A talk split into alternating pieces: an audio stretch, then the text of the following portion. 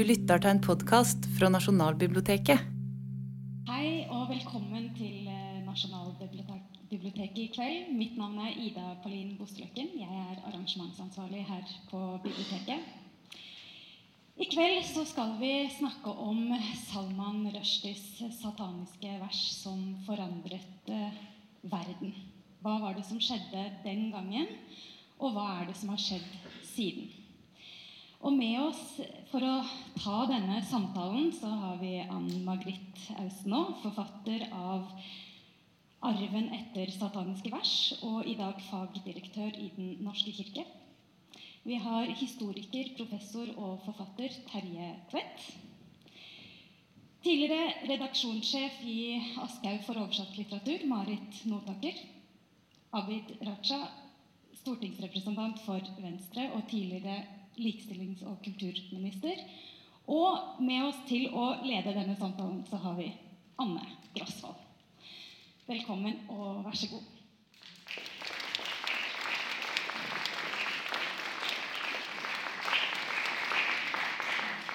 Det er vel få mennesker som husker utgivelsen av Sataniske vers så godt som du gjorde, Marit Notaker. Du var redaktøren. Hvor stor var diskusjonen på Aschehoug om hvorvidt dere skulle utgi denne boka? Dere hadde jo kjøpt rettighetene. Det hadde vi. Og egentlig, dette høres jo selvfølgelig veldig rart ut når man ser det i ettertid, så var det ikke noen diskusjon om vi skulle utgi boken. Altså, Boken var allerede i arbeid, og jeg tror at opplevelsen av fatwaen da den kom, det var det at Å, det var et sjokk. Jeg husker sånn personlig da, Jeg var gått hjem tidlig den dagen. Og så får jeg telefon fra forlaget, og der forteller de at Salman Rushdie er dømt til døden. Og så får du den opplevelsen av at alt blir helt stille rundt det. Og så kom det én tanke inn i hodet, og det var at boken skal i hvert fall ikke stoppes. Og så la jeg på røret, og så ringte William Nygaard. Det er meg, du. Det er iallfall ikke snakk om å stoppe boken. Sånn, og, og, jeg tror jeg har faktisk eh, tatt og snakket med en del fra forlaget som jobbet med andre ting, som jobbet i undervisning og rundt omkring, for å høre hvordan tenkte man egentlig. Og alle sammen sa i grunnen det samme at Nei, altså, det var jo grusomt, men det var jo egentlig Man måtte jo bare det. Og det var til og med én som sa at jeg var faktisk litt stolt. Fordi at forlaget sto for de verdiene man snakker om i festtaler, på en måte. Og fatwaen kom 14.2.1989. Ja. Eh, det betydde at da måtte dere jobbe hemmelig med boka. Det var beslutningen som ble tatt. Det var jo ikke i og for seg noen selvfølge. I Danmark gjorde de det annerledes. Der kom den stille og rolig ut på høsten. Men eh, det var det vi bestemte. Den skulle egentlig vært ute i juni. Og så forskjøv vi den da til 12. april. Og én grunn var jo selvfølgelig at du skulle unngå mest mulig bråk, men det var også for å unngå at muslimene, muslimske organisasjoner gikk rettens vei. Og eh, rett og slett eh, gikk til namsretten, sånn at de, vi fikk en, det som visstnok heter midlertidig forføyning. Sånn at boken bare ble stoppa, at den ikke i det hele tatt fikk komme på markedet. Det var hovedgrunnen. Altså. For det var jo det muslimene ba om i møte med William Nygaard. At man ikke skulle ut i boka. Ja. For det lå så sterkt på dem. Var det noe dere tok med i vurderingen? Tenkte dere på at det kunne bli en reell trussel mot William? Eh, altså, det er klart at det var ubehagelig. Jeg mener, Man må jo være helt fantasiløs hvis ikke man reagerer følelsesmessig på en Mm. sånn tid. Det var jo alle som har arbeidet med boken, ikke sant? Mm. Og, men vi har et bilde til òg fra skal vi se, Ja. Millioner for hans hode. Og muslimene var jo, var jo rasende, for jeg tror også vi har et klipp fra Dagsrevyen i slutten av februar det året. Med imamen, det religiøse overhodet i spissen, toget norske muslimer gjennom Oslos gater i ettermiddag. Anslagsvis 3000 muslimer fra Oslo-regionen deltok for å protestere mot utgivelsen av Salman Rushdies sataniske vers. Slagord som 'Allah er stor' og 'Rushdie er Satan' gjallet i bygatene så vel på arabisk som norsk. Støtte til Khomeinis dødsdom over Rushdie kom derimot ikke til uttrykk. Noen motdemonstrasjoner underveis var det ikke å snakke om. Men disse to plakatene holdt fram av to privatpersoner ble allikevel for sterk kost for muslimene.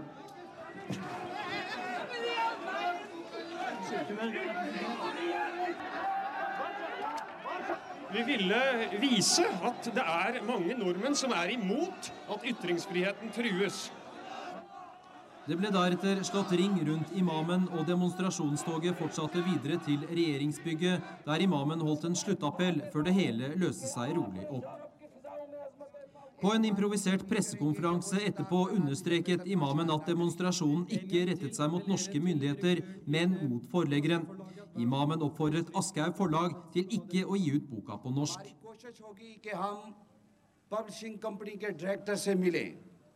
Vi skal prøve å få et møte med forlagsdirektøren. Vi håper på at han kommer til å gi støtte til etter å ha blitt kjent med våre følelser. Abid Raja, du var en av dem som hadde sterke følelser.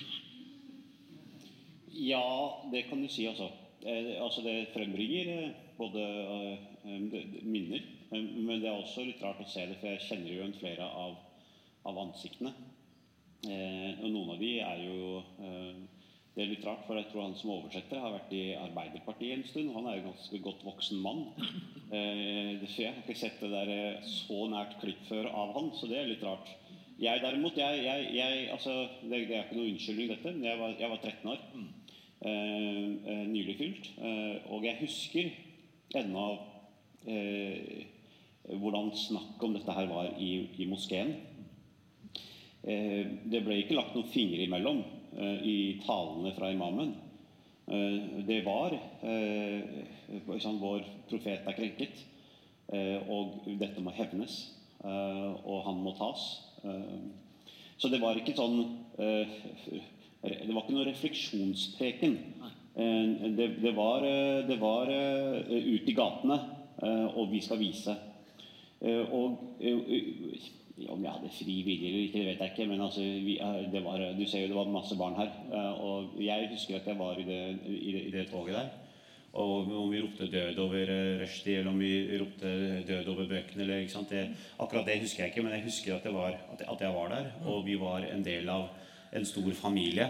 Både eh, med den familien, biologiske familien, men også den muslimske familien. Og dette skulle vi protestere imot. Og vi hadde hørt imamen snakke om det, og vi hadde hørt eh, foreldregenerasjonen snakke om det. Og her var vi krenket som en gruppe, og de ansvarlige de skulle tas, og de skulle kunne også drepes. Det er interessant at en bok eh, som 'Sataniske vers' vekker så enorme følelser, fordi færreste av oss har jo lest den. Eh, har du lest den? Du, jeg prøvde en gang. Altså. ja eller nei spørsmål? Jo, ja, altså Svaret er for så vidt ja, men det er egentlig nei. Fordi at eh, for, altså det, er, det er mange år siden altså jeg prøvde meg på den engelske versjonen. Og det, helt ærlig, altså, jeg, det var, det var, det, jeg måtte legge det fra. For at jeg, altså, jeg, jeg, jeg, skal ikke si at jeg ikke skjønte en dritt, men altså, det, var, det er en ganske vanskelig bok. Og nå har jeg fått en norsk oversettelse. Jeg tenkte jeg skulle begynne Prøve igjen. da, prøve igjen, Men det er, den er ganske altså det, Og det tror jeg jeg snakka med flere som har det er en det er en ganske krevende bok. og faktisk, Det er ikke sånn vanlig novelle du bare kommer deg gjennom. Eh, Du må liksom sette deg ganske intellektuelt inn i dette. Så de, jeg, jeg tror ingen av de som har demonstrert eh, mot eh, boka, jeg tror ikke noen av de har lest det. Nei, tror ikke jeg heller. Terje, har du lest? Nei. Nei, Ikke du heller. Men du kunne vært en av de gutta som sto og kjempet for ytringsfriheten der. Nei, det tror jeg ikke. Kunne du ikke? Ikke på det tidspunktet, nei. Nei. Fordi at det var ingen sak. Men nå er det det. Ja, på en måte fordi altså, For det første var det veldig overraskende, tror jeg, den demonstrasjonen. Jeg var iallfall ikke klar over at den skulle skje. og Jeg bodde tidligere i Bergen, så det var helt uaktuelt å dra til Oslo. i hvert fall. Men, eh, men jeg opplever at den diskusjonen som var i forlaget på det tidspunktet, var mye mer prinsippfast enn det mye av diskusjonen har vært i ettertid. Hvis man tenker på karikaturstriden, hvis man tenker på hva som skjedde i forbindelse med Charlie Edbo.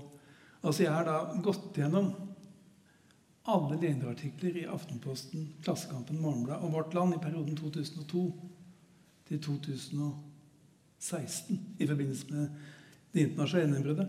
Og dette var jo ikke sant under karakterstriden, rett etter 9-11, Charlie Edbo, alt dette her. Og det han skrevet til sammen tror jeg, 220 lederartikler. Veldig, veldig mange.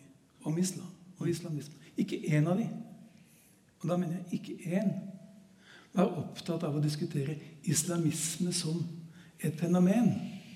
Og islamisme som en mulig inspirasjonskilde til terrorhandlinger. Det var på en måte noe Man skulle ikke snakke om det. Altså, det ble forklart på alle mulige andre måter. Og det jeg mener at det er en helt annen måte å tenke om dette på enn det, det du refererer til var holdningene forlaget på den tiden. For at, altså, det er jo selvsagt. Altså, det er et, altså, vi må jo gi ut en bok. Eh, hva, what's the deal? Men i, etter, i årene etterpå så var det ikke så selvsagt. Og det mener jeg at det er veldig viktig å tenke over. Mm. Ann Margrit, du har til og med skrevet en bok om temaet for noen år siden. Um, vise den fram. Gjør det. Er den fortsatt å få fatt i? Eh, Hvis man ringer til deg, kanskje? Hvis man ringer til meg, så er det og på bibliotekene. Den ble kjøpt inn på ordningen, så den fins på skolen. Arven etter de sataniske versene. Ja. Og jeg har lest sataniske vers. Oi, det er det to her som har gjort det. Eh, og det var et poeng at den boken ble brukt, som Salman Rushdie kalte det, en politisk, politisk fotball fra dag én. Den ble grepet av politikere som så et potensial her til å bruke religion til å fremme egne politiske interesser. Det skjedde i India, det skjedde i Storbritannia, det skjedde gjennom den organisasjonen av islamske stater. Eh, og det er veldig parallelt til eh, karikaturene og det som skjedde siden. Så, så, sånn var den med på å starte eh, en politisk bruk av islam som, som ble sånn dobbel absurd, fordi at noe av det Salman Rushdie ønsket med sataniske vers, det var jo nettopp å vise den, den brede fortellertradisjonen i islam. Og vise spekteret av kultur.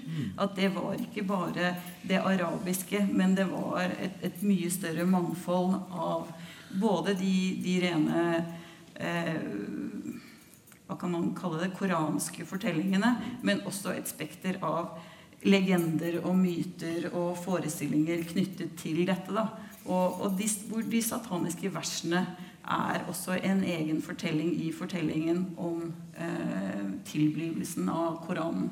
Men, men, skriver du om islamismen som politisk verktøy, som Terje etterlyser? Altså, jeg skriver om den i den forstand at det var eh, en interesse og politikere som var langt ute i det å etablere sharia. Og ikke bare etablere sharia i egne land, men også bruke organisasjonen av islamske stater, anført av Iran, eh, godt støttet opp av Pakistan og, og Egypt, i å få eh, satt en stopper for at eh, de eh, universelle menneskerettighetene kunne aksepteres av islamske stater. Der skulle sharia ha forrang. Mm. så det er absolutt en tematikk i den boken jeg har skrevet. Og det, og det utløstes jo eh, mye av Salman Rushdies bok 'Sataniske vers'. Var han ja. overrasket over reaksjonene? Eh, han ville skrive en satire. Ja. Det er helt klart. Og det ser man hvis man våger seg inn og leser boken. Man kan f.eks. lese det kapittelet om Mekka og Muhammed som får Eh, som møter engelen og slåss oppå en fjelltopp. og kan ta det litt pent. Men eh, det, det vil han. Men jeg tror ikke han hadde beregnet at det skulle bli så mye bråk. Det tror jeg ikke. Eh, og at det skulle nettopp føre til det som Ann Margrit peker på, nemlig at Khomeini på en eller annen måte forskyver hele herredømmet som, og hele diskusjonen om islam som hadde ligget da i Midtøsten, over til hele Europa, det hadde han nok ikke tenkt seg. Nei. Amen. Jeg tenkte altså, Før vi tar den Khomeini-diskusjonen, som vi jo bør ta, altså politikken her, og altså islam og islamisme og, den politiske delen av dette så, så jeg Korriger meg om jeg tar feil, men jeg tror jeg leste et eller annet sted at, at, at Rushdie selv, eh, på, en, på, en, analytiker av boka, eh, som hadde skrevet noe om at eh, han leste denne boka også inn i Storbritannia som koloni og migranter og som flytta på seg og reiste. ikke sant? Og leste dette inn i den settingen. Og så bekreftet Rushdie at hans bok var egentlig ikke ment som kritikk av Det var ikke, altså, det var ikke for å ettergå islam at han skrev dette. Og det var mye mer nærmere på altså, migrantenes situasjon og, og reisende og, og, den biten. Og, og således så var jo boka ment å være noe som skulle kanskje skape forståelse for minoritetene, men som endte opp med til de grader å eh, gjøre det, det, det, motsatte. Og det er en interessant diskusjon. Hvordan, hvordan på en måte hensikten og formålet med boka eh, og, og, og, og, hva konsekvensen av boka faktisk ble. Du nikker, Marit. Han har forstått ja, det riktig? fordi at eh, det er riktig det altså at det som var et hovedpoeng, det er hele den problematikken med kultursplittelse og assimilasjon. Og det går gjennom hele forfatterskapet. Han ga en gang ut en eh, novellesamling som het 'East, West'. Og så sa han 'I'm the comma, you know'. Mm. Ikke sant? Og, og det, det, er jo klart at han Saluddin, som er hoved, den ene av de som lander på stranden i Dover han vil ikke være noe annet enn britisk. Han kommer til eh, England, han blir skuespiller. Han har tusen forskjellige stemmer, sånn at han kan på en måte manipulere og være hvem som helst. Og han blir til en djevel, for han forfaller, faller i politiets klør, og han blir slått. og hoven vokser ut av hornene. Altså, det er ikke så veldig rasjonelt, dette her, altså, men det er sånn. Og han, eh, han blir ikke bra før han liksom går gjennom den krisen der han skjønner at han hører ikke til. Da faller hele greia. Og så reiser han hjem og passer på faren sin. Og det er Ja, nå har jeg jo fortalt hele historien. Nå behøver vi ikke lese Vi behøver ikke lese den allikevel. Men, men, poenget mitt er at det med assimilasjonen er veldig viktig. Det er helt, helt mm. enig med deg der. Og, men det er klart at han også har vært Alle de store bøkene hans er rettet mot en politisk eh, autokrat. Mm. Uh, 'Midnattsbarn', da var det Indira Gandhi. Mm. Eh, skam så var det Sialhak, Og så var det Khomeini. Mm. Og der er et kapittel om, som Anne Margrethe mente tidligere her, en imam som sitter i London med gardinene trukket for. Og det står der iskulde av. Mm.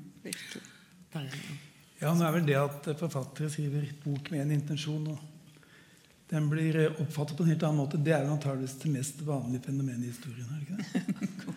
Eh, sånn at det er, men det er sjelden det får de konsekvensene. Ja, det får det. Jo, men altså, Jeg syns ikke det er det mest interessante med boka til Rushdie. rett og slett. Det er heller ikke det som er mest interessant med Rushdie. Det som er mest interessant med Rushdie, i den sammenheng som vi snakker om nå, det er at den har vært så prinsipiell i sitt forsvar for retten og nærmest plikten til å si hva det vil og si det som ikke kan sies. Det, det, det var bare lese et sitat fra den boka som kom ett år etter uh, uh, sataniske vers. Mennesker skaper sine fremtider ved å argumentere, utfordre, stille spørsmål og ved å tørre å si det som ikke kan sies, og ikke ved å bøye knærne verken for Gud eller mennesker. Det er hans prosjekt. Mm. Men, men er, mener du at vi i Norge er redd for å si det som ikke kan sies? Ja, absolutt. Du har sagt at vi trenger en nasjonal selvransakelse. Altså, Skrevet det. Ja eh, Jeg tror at de fleste av oss, hvis vi tenker igjennom hva er det å være et fritt menneske? Jo, det er å kunne si akkurat hva man vil.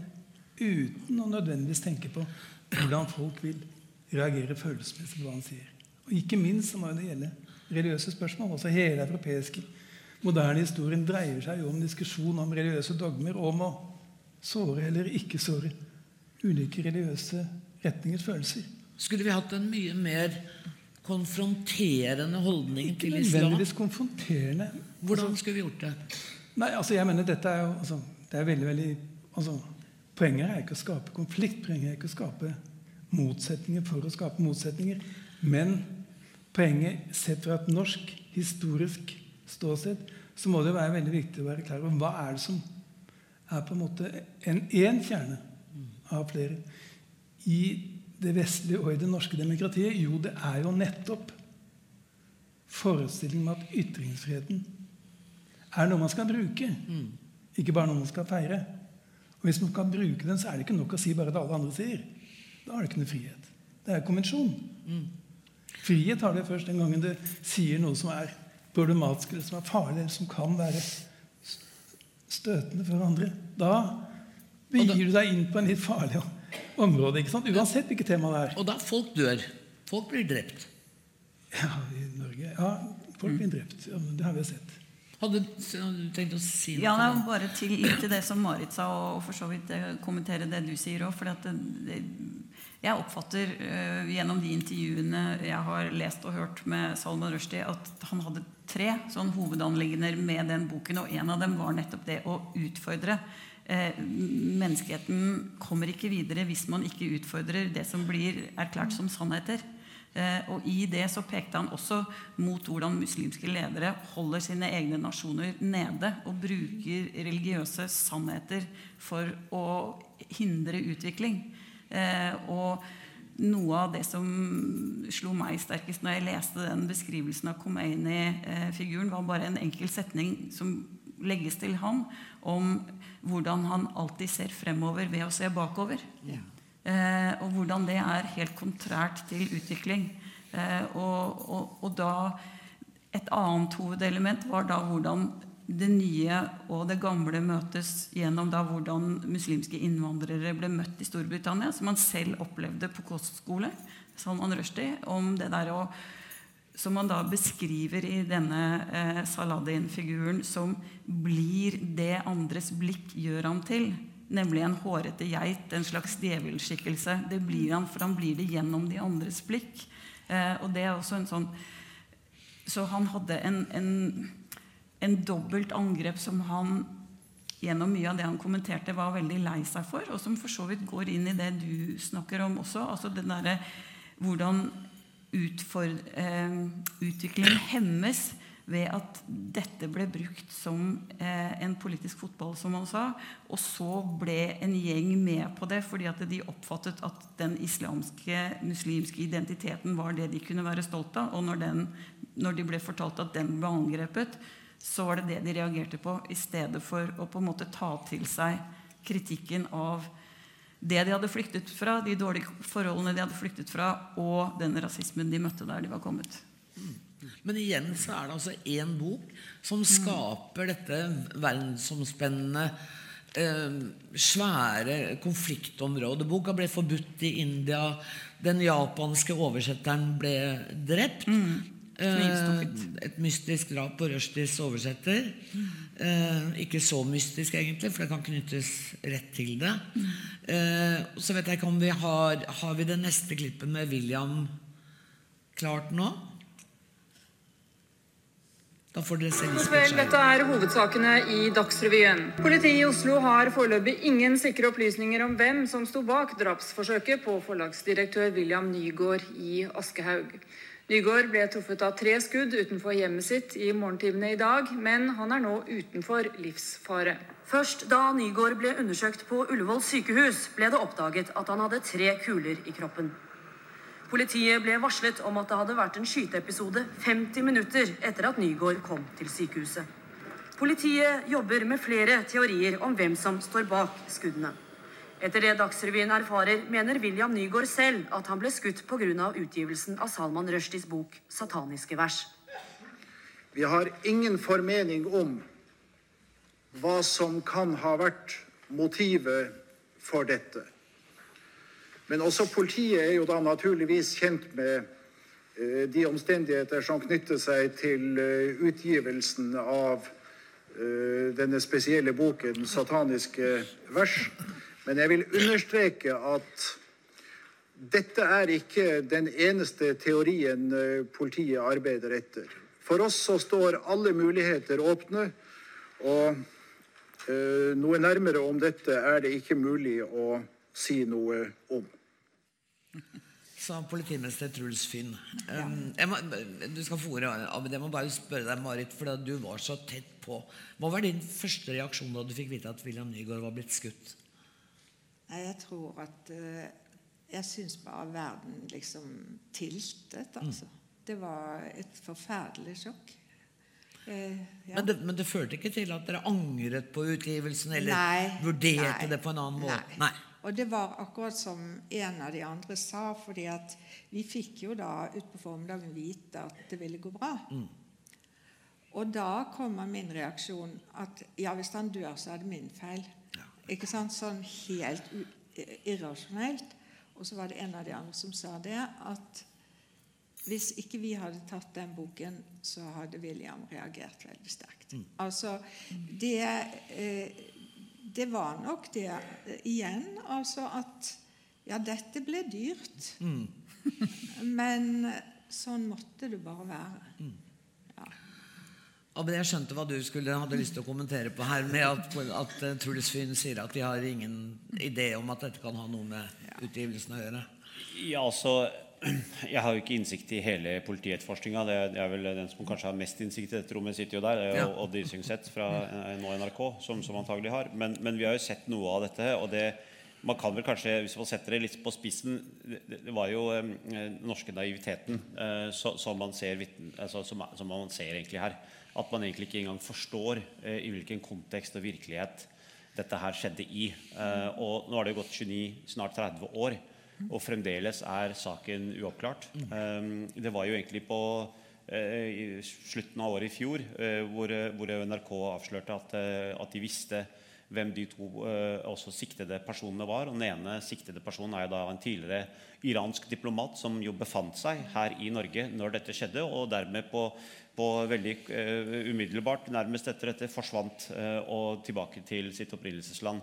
Eh, og jeg har holdt en interpellasjon om dette på Stortinget til, til, til nåværende regjering etter at det ble kjent at en iransk diplomat eh, er nå siktet for dette. For å, I forsøk på å tenke om norske myndigheter kunne tenke seg å hjelpe til med at den personen blir avhørt. Eh, svaret på interpellasjonen var jo at nei, det vil ikke norske regjeringa bidra til, for det gjør man ikke. Eh, altså, eller ikke anser det som hensiktsmessig, som det ble uttrykt. Eh, men man fant det jo hensiktsmessig i Kongo-saken, f.eks. Det var ikke bare ett land, men flere landsmyndigheter som var involvert. Eh, og vi vet at når det er grenseoverskridende, land, land, landegrenseoverskridende, så, så holder det ikke med en politimann som sender et brev. at jeg ønsker gjerne, Da er det ofte lands myndigheter som faktisk må engasjere seg. Så det har man jo til nå uh, avstått. og jeg kan si jeg kan si meg enig uenig to av Terje sa to ting. Det ene var jeg litt uenig i, men jeg tenkte at den blir sånn drøftelse om bokas innhold og betydning og hvilken betydning det hadde. Så den kan vi la ligge, for det blir litt sånn. Men, men, men andre biten så sier si deg, gi deg rett, og det er at det er, det er berøringsangst i Norge. Men det er jo heller ikke rart. Eh, fordi at eh, som en kjent norsk tegner sa til meg en gang når jeg spurte han eh, om hvorfor han, om han kunne tørre å tegne profeten. Og så sa han jo at ja, hvis jeg gjør det, så må jeg resten av livet se meg over skulderen. Kanskje ikke bare meg, men også huset mitt og min familie som bor der. Og da kan du begynne å stille spørsmålet er det, er det, er det verdt det. Jo, det er verdt det i det store når man tar den filosofiske diskusjonen om at du skal stå der og være forkjemper av ytringsfriheten. Um, men når du får disse truslene jeg, jeg, jeg har jo levd med sånne trusler. Han som truet meg, sa jo at uh, gå og ta Abid trenger ikke engang fatwa. Han ble dømt til to og et halvt års ubetinget fengsel. Eh, og det å få sikkerhetstiltak og leve med det, det, det er jo ikke noe moro. Eh, og jeg skjønner godt de eh, nordmennene som har tenkt at Og det handler ikke om berøringsangst, men jeg tror det handler om når man har sett det som har skjedd med tegnere i andre land, så skjønner jeg Jeg kan skjønne det. Det er ikke det at jeg liker det, men jeg kan skjønne at tegnere sier at nei, vet du, det vil vi ikke gjøre. at da risikerer de jo ikke bare i mitt liv, men altså hele familien min i mitt hus kommer til å leve med den usikkerheten, og det vil vi ikke. Hva tenker du, Terje? Ja, det er jeg helt enig i. Det er fullt ut forståelig. Men hele dette spørsmålet dreier seg om mye, mye mer enn hvorvidt man skal publisere karikaturene eller ei. Det er lett forståelig at det er en touchy sak når vi vet hva som har skjedd. Dette dreier seg om alt fra sant, drap på Samuel Paty. Hva gjorde det norske politiske og lederskapet, det, inkludert din egen regjering, med det? Hvordan reagerte man? Hva sa man? Lærerorganisasjonene uttrykte jo solidaritet med parti. Men ellers var det jo ganske eh, milde reaksjoner, kan man si. Og som sagt, Jeg har gått gjennom alle disse lederartiklene i norske aviser. Og det påfallende er jo ikke det at man liksom eh, prøver å fyre opp under motsetningene. Det er vel ingen som Eller det er noen som kanskje ønsker det òg.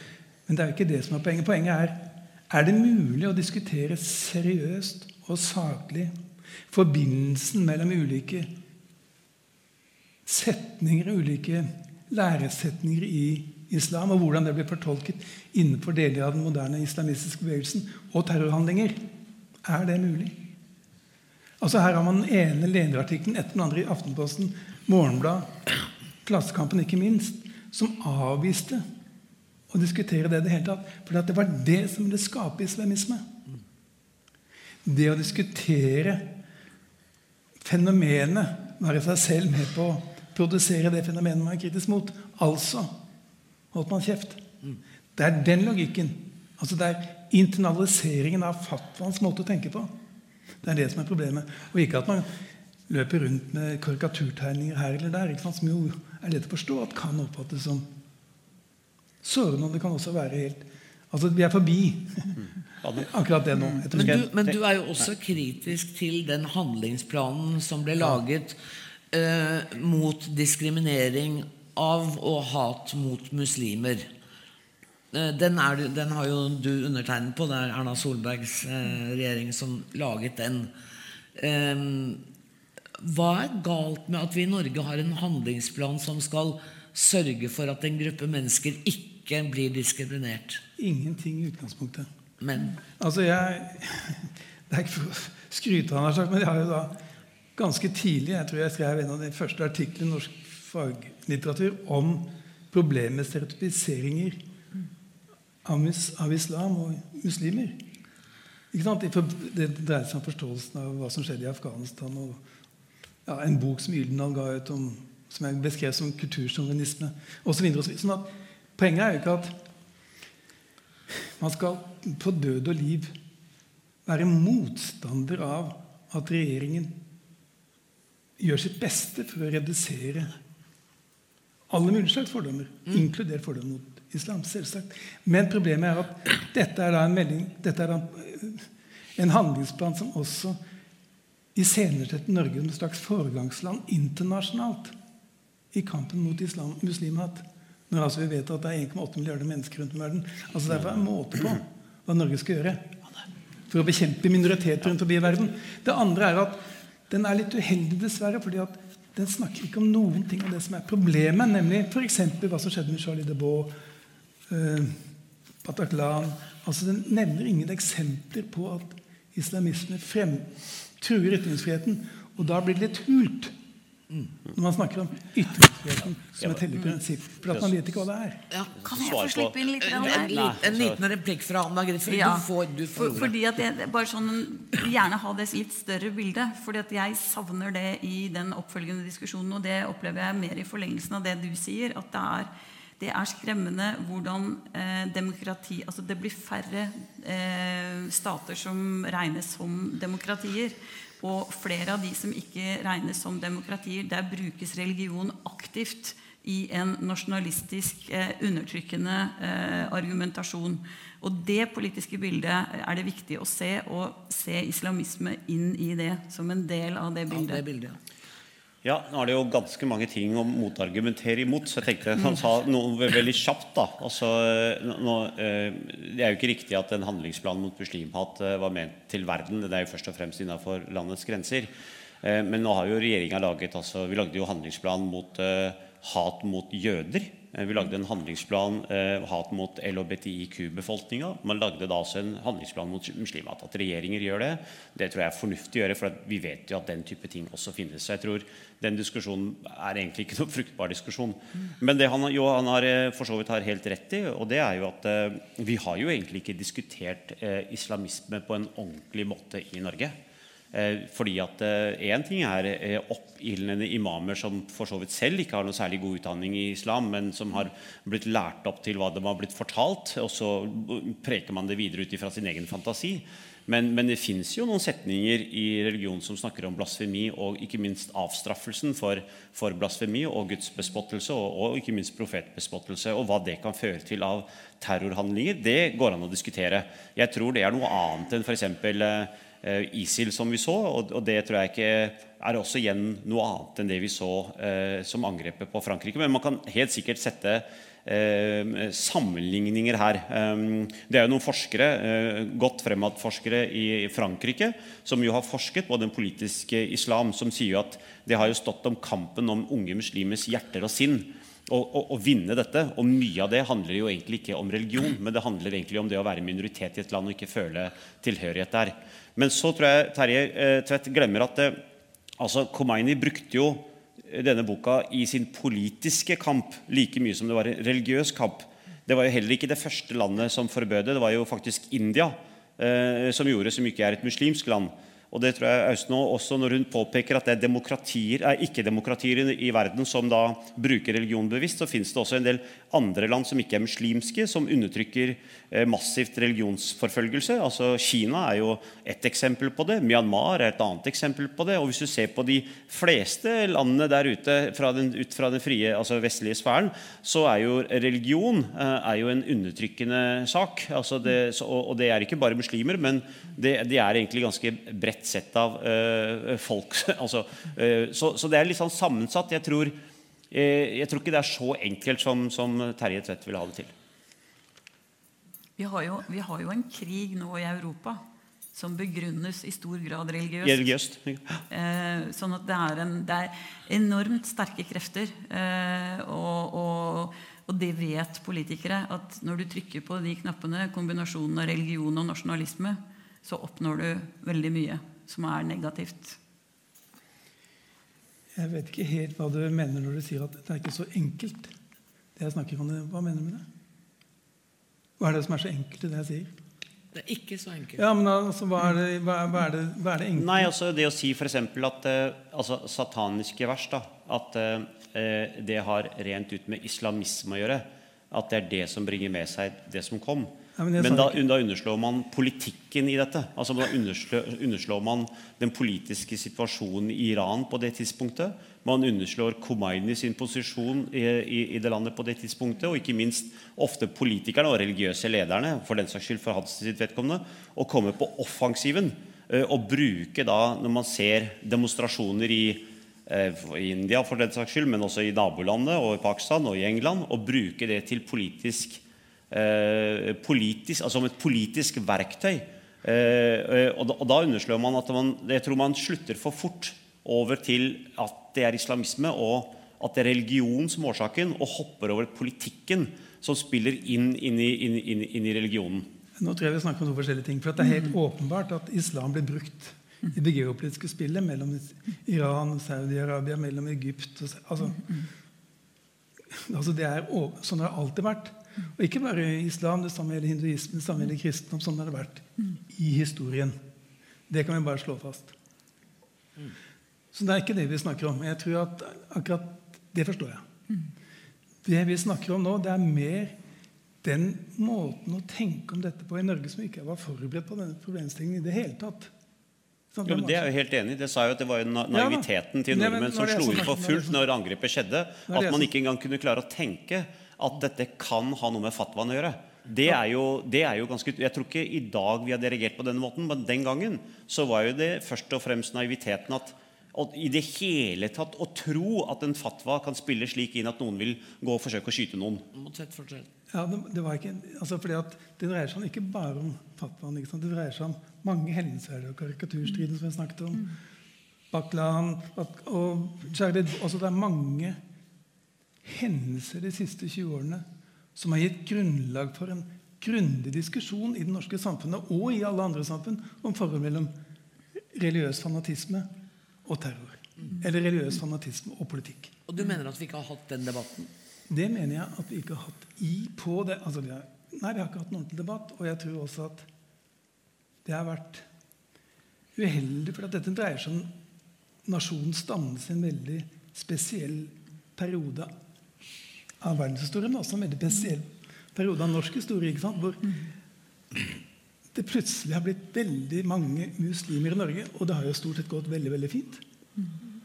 Eh, men tatt nettopp for at det også skal bli en sterkere grad av integrasjon og forståelse og så, videre, og så, videre, så må jo alle disse tingene diskuteres. og ikke skyves under teppet. Ja, og nå blir det ikke diskutert. Og en av grunnene til at det blir diskutert, det er som sagt at dels har denne fatwa-tenkningen blitt internalisert i Norge, og dels er det sånn at det å reise deg er blitt oppfattet som i seg selv polariserende. Som om ønsket er å polarisere. Når tvert imot ønsket kan være å skape mindre motsetninger, men integrasjon. For hvordan skal du få tak i det, få til det hvis man ikke snakker om det? Og det, er det, er, det er det som er Ja, og det var jo Rushdies prosjekt. prosjekt. Det var nettopp det. Å vise Det var de prosjekt. kreftene. Det var Rushdies prosjekt, og jeg sitter jo og tenker på at det er et ganske mørkt bilde, dette her. Der fantes jo den gangen også muslimer som mente at uh, dette var helt feil. At ok, boken uh, var satirisk, den var eh, er krenkende til en viss grad, men det var ikke riktig å forlange at forfatteren skulle tas av dage. Og det jeg lurer på, eh, som jeg ikke vet så mye om, det er om er det sånn at dette bildet er nå helt svart Er det ikke noen form for eh, åpning i det muslimske miljøet? Altså I middelalderen så hadde du en filosof som Ibn Rushd, av Rås. Hans eh, for øvrig, som Rushdies far de byttet navn. Han eh, tok navnet Rushdie fordi at han var så begeistret for Ibn Rushd. Men altså denne typen intellektuell utvikling innen islam, er det helt umulig å borte? Nei, sånn, det er jo da ikke Jeg vet ikke hva antallet er, om det er 1,8 milliarder, som Terje sa. Det kan sikkert stemme. Hvis du snakker med Det ser regjeringen i sin, men, i sin melding. men hvis du ser? Hvis, du, hvis du ser La oss bare ta tre eksempler. Hvis du tar da eh, mus, altså godt integrerte muslimer i Norge, eh, holdt på å si sånne som meg, og plasserer dem i et rom, og så spør du de, så ville vi sagt at vi har ikke noe problem med den boka. Og så kan du snakke med sånn intellektuelle, oppegående forskere og professorer på Al-Azhar-universitetet. Jeg tror de også ville sagt at kanskje boka er litt krenkende, men vet du hva, er helt greit. Og så drar du på landsbyen i Pakistan, så hadde jo de revet deg i fillebiter hvis du hadde forsøkt å si noe som dette. Så det spørs jo liksom, hva slags intellektuelt nivå man er på. Eh, Det handler jo også om de sosiale forholdene i det landet. Det handler om de politiske forholdene, hva du har oppdratt med, tradisjoner. Altså hvis ikke jeg, altså jeg var jo i den demonstrasjonstoget der. Eh, eh, i, hadde ikke jeg fått den hjelpen av det norske samfunnet, utdanningssystemet og, og alt det som på en måte har vært i mitt liv, så, så skulle jo jeg fremdeles jeg, jeg var jo oppdratt til å bli en del av dette. Og, og da skal man, for å sette litt på spissen, man bør ikke bli overrasket eh, at det vokser opp eh, unge i dag. Hvis man er oppdratt på den måten år etter år, etter år, så blir man jo ofte gjerne sånn. Og Det er derfor vi, vi trenger å ha de diskusjonene, men jeg tror vi mangler en del samtalepartnere bortover her. Som man trenger å ha de med, og, det, og de er det nok litt vanskeligere å nå ut til uh, enn en vi tror. Eh, Vi må nærme oss slutten. Jeg tenkte å la deg få siste ordene, Ann Er det så svart og mørkt som Marit frykter? Nei, det er det ikke. Men eh, jeg synes at vi altså Den diskusjonen du trekker opp om hvordan vi i Norge tenker om dette og diskuterer dette, den er viktig. Men det er også viktig å ha et blikk ut og se de som forsøker å reise den diskusjonen i muslimske stater. Eh, og hvordan de eh, blir undertrykt, eh, forfulgt, eh, trakassert, drept. Eh, at det er et bilde som vi i for liten grad reiser og bekymrer oss eh, for. Så det tenker jeg er en sånn eh, ja, vi skal diskutere det eh, i Norge, og, og, og det er viktig. Men det er jammen meg viktig å vise at vi ser at de er der, og de forsøker. Og så er Noe annet viktig er at vi kan begynne å prøve å lese sataniske vers. De av oss som ikke har gjort Ja, jeg har det. prøvd, men det var vanskelig. Jeg skal prøve igjen. Ja, men det er, ikke noe, det er ikke noe oppmuntrende når tidligere kulturminister sier jeg leste den på engelsk, jeg. Jeg har prøvd, Ja, ja, men det var så vanskelig jeg var, var for litt, meg. jeg var litt ung da, så jeg skal Eh, prøve jeg- igjen nå i voksen alder. Jeg vil heller gjøre som Marit sa. Vi kan, dere kan prøve med ett kapittel. Det om Mekka. Ja, kanskje, eller kanskje ikke. Kanskje du skal begynne på begynnelsen. Vi begynner, skal være enige om det. Ja. slutt. Eh, Eller, har vi gjort- eller les Aisha-kapitlet om Khomeini. Det er, Ja. ganske, det er ganske underholdende, rett og slett. Ja. Altså, Vi har gjort et forsøk i dag på å snakke ordentlig om disse tingene. Eh, og det en siste jeg hørte fra forlaget, var at eh, salget av sataniske vers nå går opp som bare det. Så det er jo et lyspunkt. Tusen takk for i kveld.